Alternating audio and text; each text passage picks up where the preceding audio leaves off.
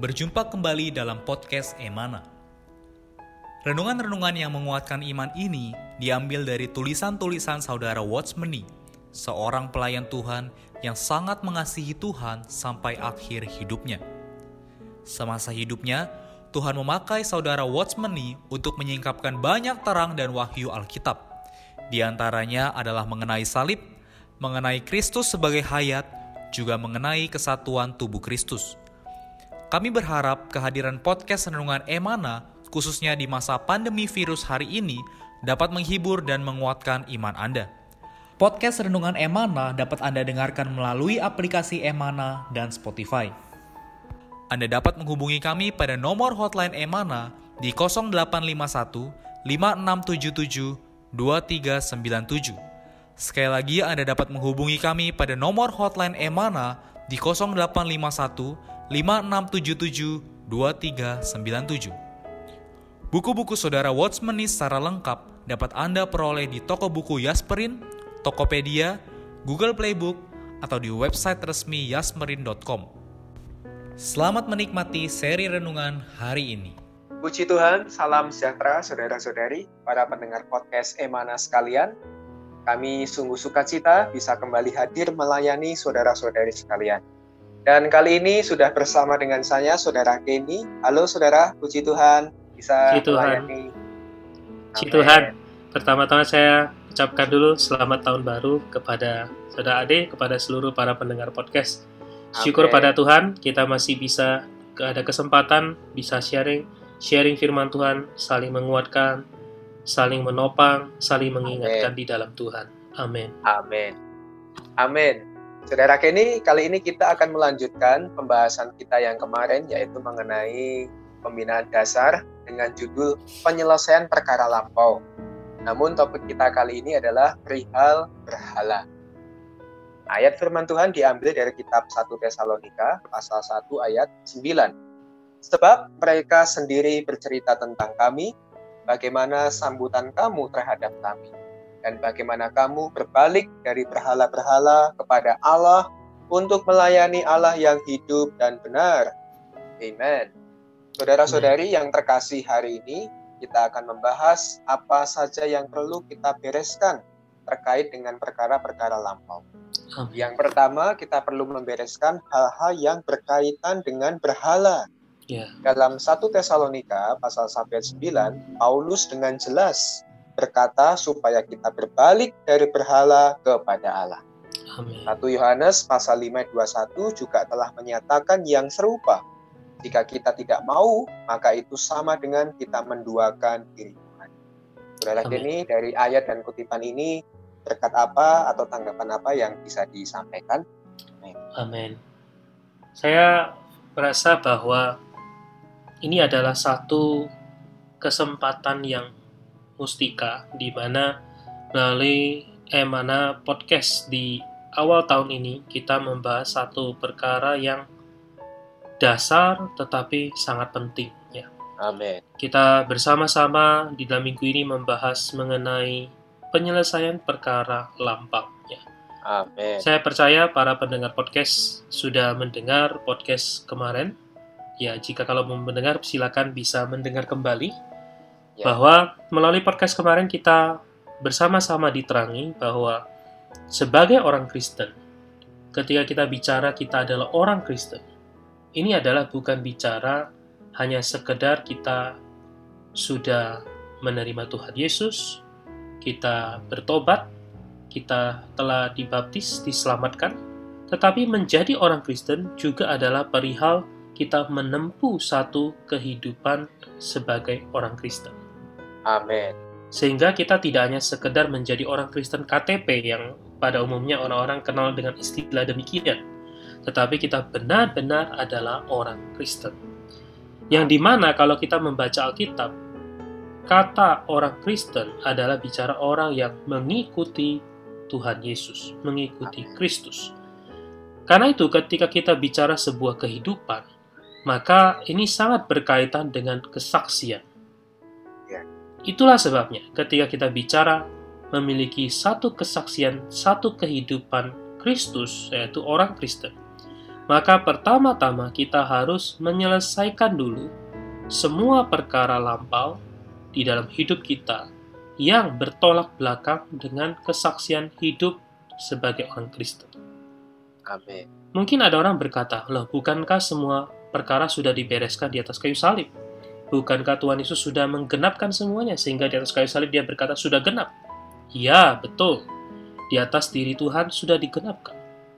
Tetapi karena kita masih hidup di bumi ini, kita harus menempuh satu kesaksian. Maka perlu ada satu tanda, perlu ada satu sikap, perlu ada satu tindakan, perlu ada satu kelakuan yang membuktikan yang kita perlu lakukan sehingga kita benar-benar menjadi satu kesaksian yang hidup. Nah, saya ketika bicara ini saya ingat satu kidung uh, yang sangat klasik. Mungkin banyak orang Kristen sudah tahu lagu ini dikatakan betapa perubahan dalam hidupku sejak Kristus di hatiku. Nah, kidung ini sangat baik. Kidung ini berkata, sebagai kita, sebagai orang Kristen, sejak Kristus hidup di dalam kita, harus ada perubahan. Amin. Dan perubahan yang nyata adalah dimulai dari menyelesaikan perkara-perkara lampau. Amin. Nah, kemudian hari ini, kenapa kita bicara hal pertama yang harus diselesaikan dari perkara lampau kita adalah berhala? Karena ini adalah perkara yang sangat penting. Jika kita adalah pembaca Alkitab, kita akan menyadari tidak ada satu perkara apa pun yang bertentangan langsung kepada diri Allah selain adalah berhala. Oleh karena itu, ketika kita bicara kita mau menjadi orang Kristen, kita mengasihi Allah, melayani Allah yang hidup, maka hal pertama yang harus kita bereskan adalah berhala. Itulah sebabnya di dalam 1 Tesalonika pasal 1 ayat 9, ayat yang barusan dibacakan oleh saudara Ade, memberitahukan pada kita satu kesaksian orang-orang di Tesalonika, yaitu mereka berbalik dari berhala-berhala kepada Allah untuk Amin. melayani Allah yang hidup dan yang benar. Amin. Amin.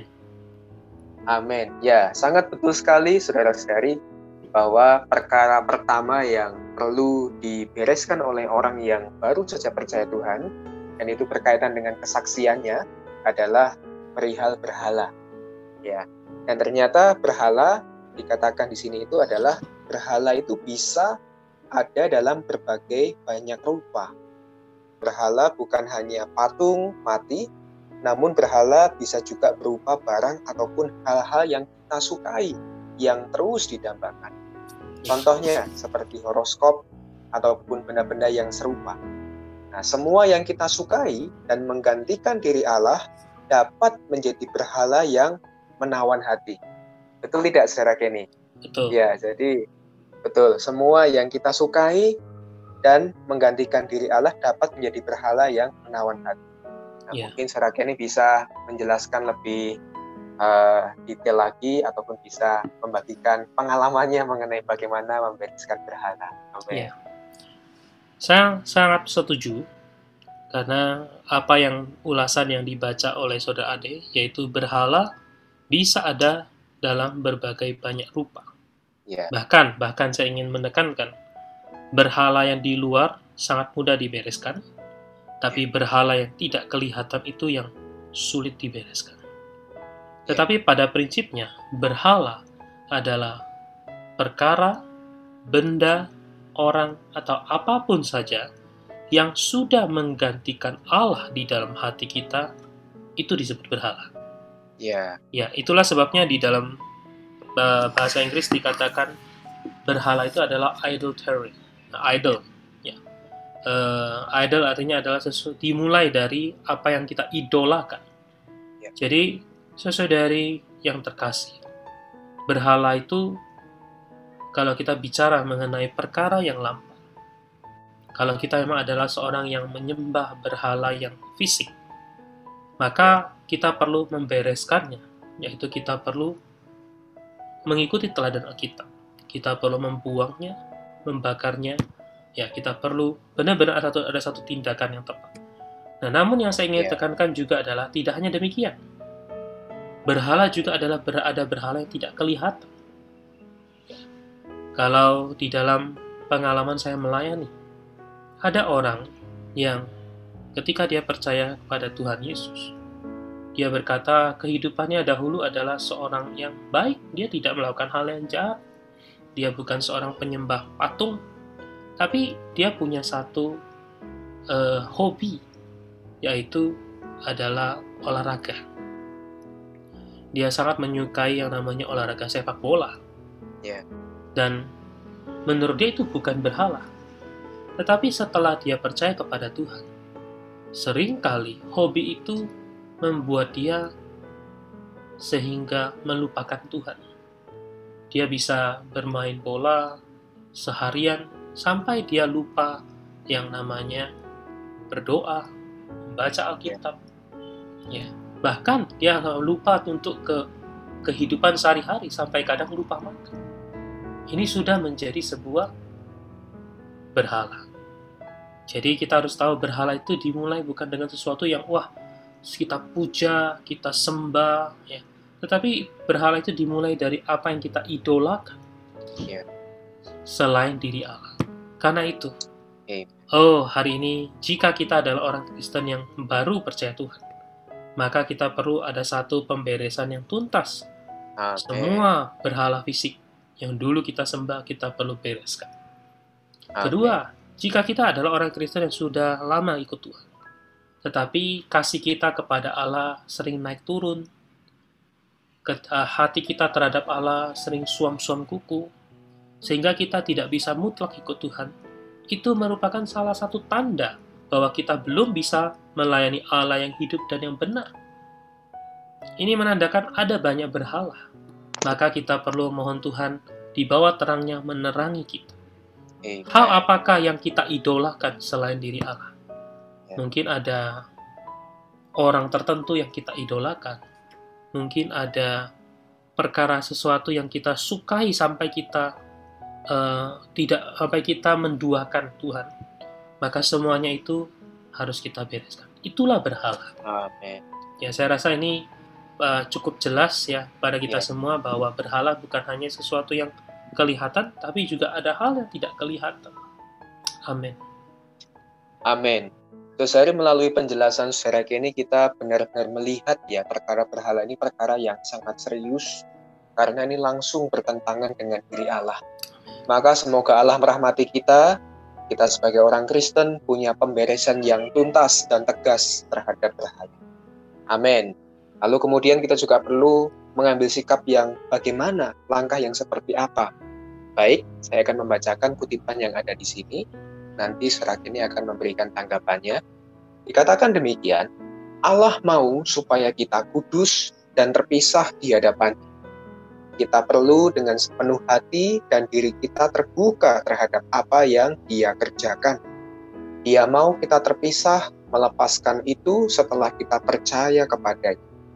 Dia mau kita mutlak di dalam kesaksian. Dia tidak mau ada percampuran. Semua percampuran hanya membuat kesaksian dapat tercoreng dan akhirnya Tuhan dirugikan. Kiranya Tuhan membelas kasihani kita. Amin. Amin. Ya, saya rasa dengan penjelasan singkat ini kita semua cukup sadar bahwa mengapa berhala perlu dibereskan. Satu adalah Allah kita adalah Allah yang kudus. Amen. Artinya Allah tidak mau dicampurkan dengan perkara yang lain. Dan perkara yang lain memang tidak layak dicampurkan dengan Allah.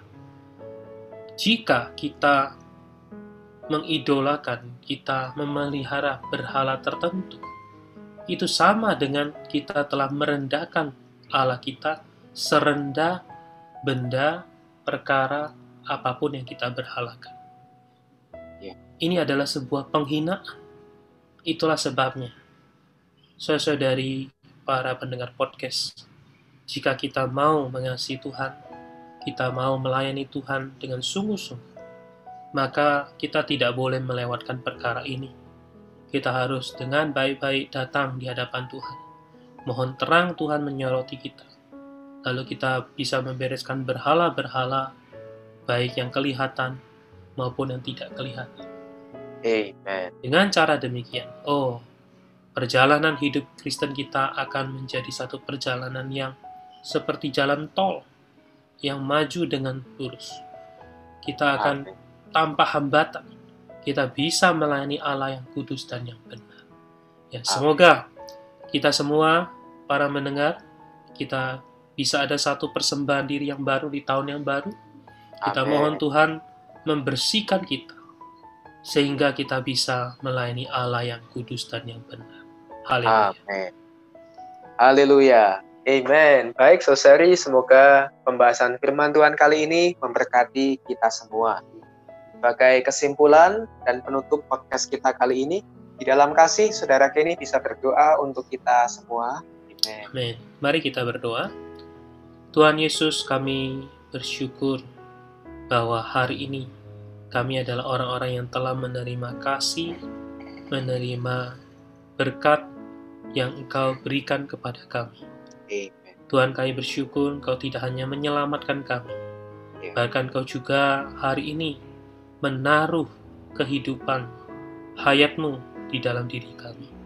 Sehingga kami bisa menempuh satu kehidupan yang benar, satu kehidupan yang memperhidupkan Kristus di dalam setiap aspek dalam hidup kami. Ya. Tuhan, karena itu Tuhan, kami tidak mau menjadi orang yang hidup dengan sembarangan. Kami Amin. tidak mau menjadi orang yang hidup dengan ringan. Kami mau, kami damba, kami rindu Tuhan. Di dalam hidup kami ada satu kesaksian yang harum, di mana kami bisa hidup dengan melayani Allah kami yang kudus dan yang benar. Amin. Tuhan, karena itu kami mohon ada pimpinanmu dan terangmu yang terus menyoroti, menyelidiki hati kami. Ya. Tuhan, bersihkan setiap berhala di dalam hati kami. Bakar Tuhan, bakar semua berhala. Sehingga Tuhan hanya dikau menjadi yang terutama, menjadi satu-satunya ya yang ada di dalam hati kami yang kami kasih. Amin. Tuhan, karena itu kami serahkan firman-Mu yang telah diberitakan. Kami percaya firman-Mu tidak akan kembali dengan sia-sia. Tapi firman-Mu akan berbuah berkali lipat di dalam hati setiap para pendengar podcast. Dan itu kami berdoa hanya di dalam namamu, Tuhan Amin. Yesus, Juru Selamat kami, Allah kami yang kudus dan yang benar. Haleluya. Amin. Amin. Puji Tuhan, terima kasih Saudara Kenny. Tuhan Yesus memberkati.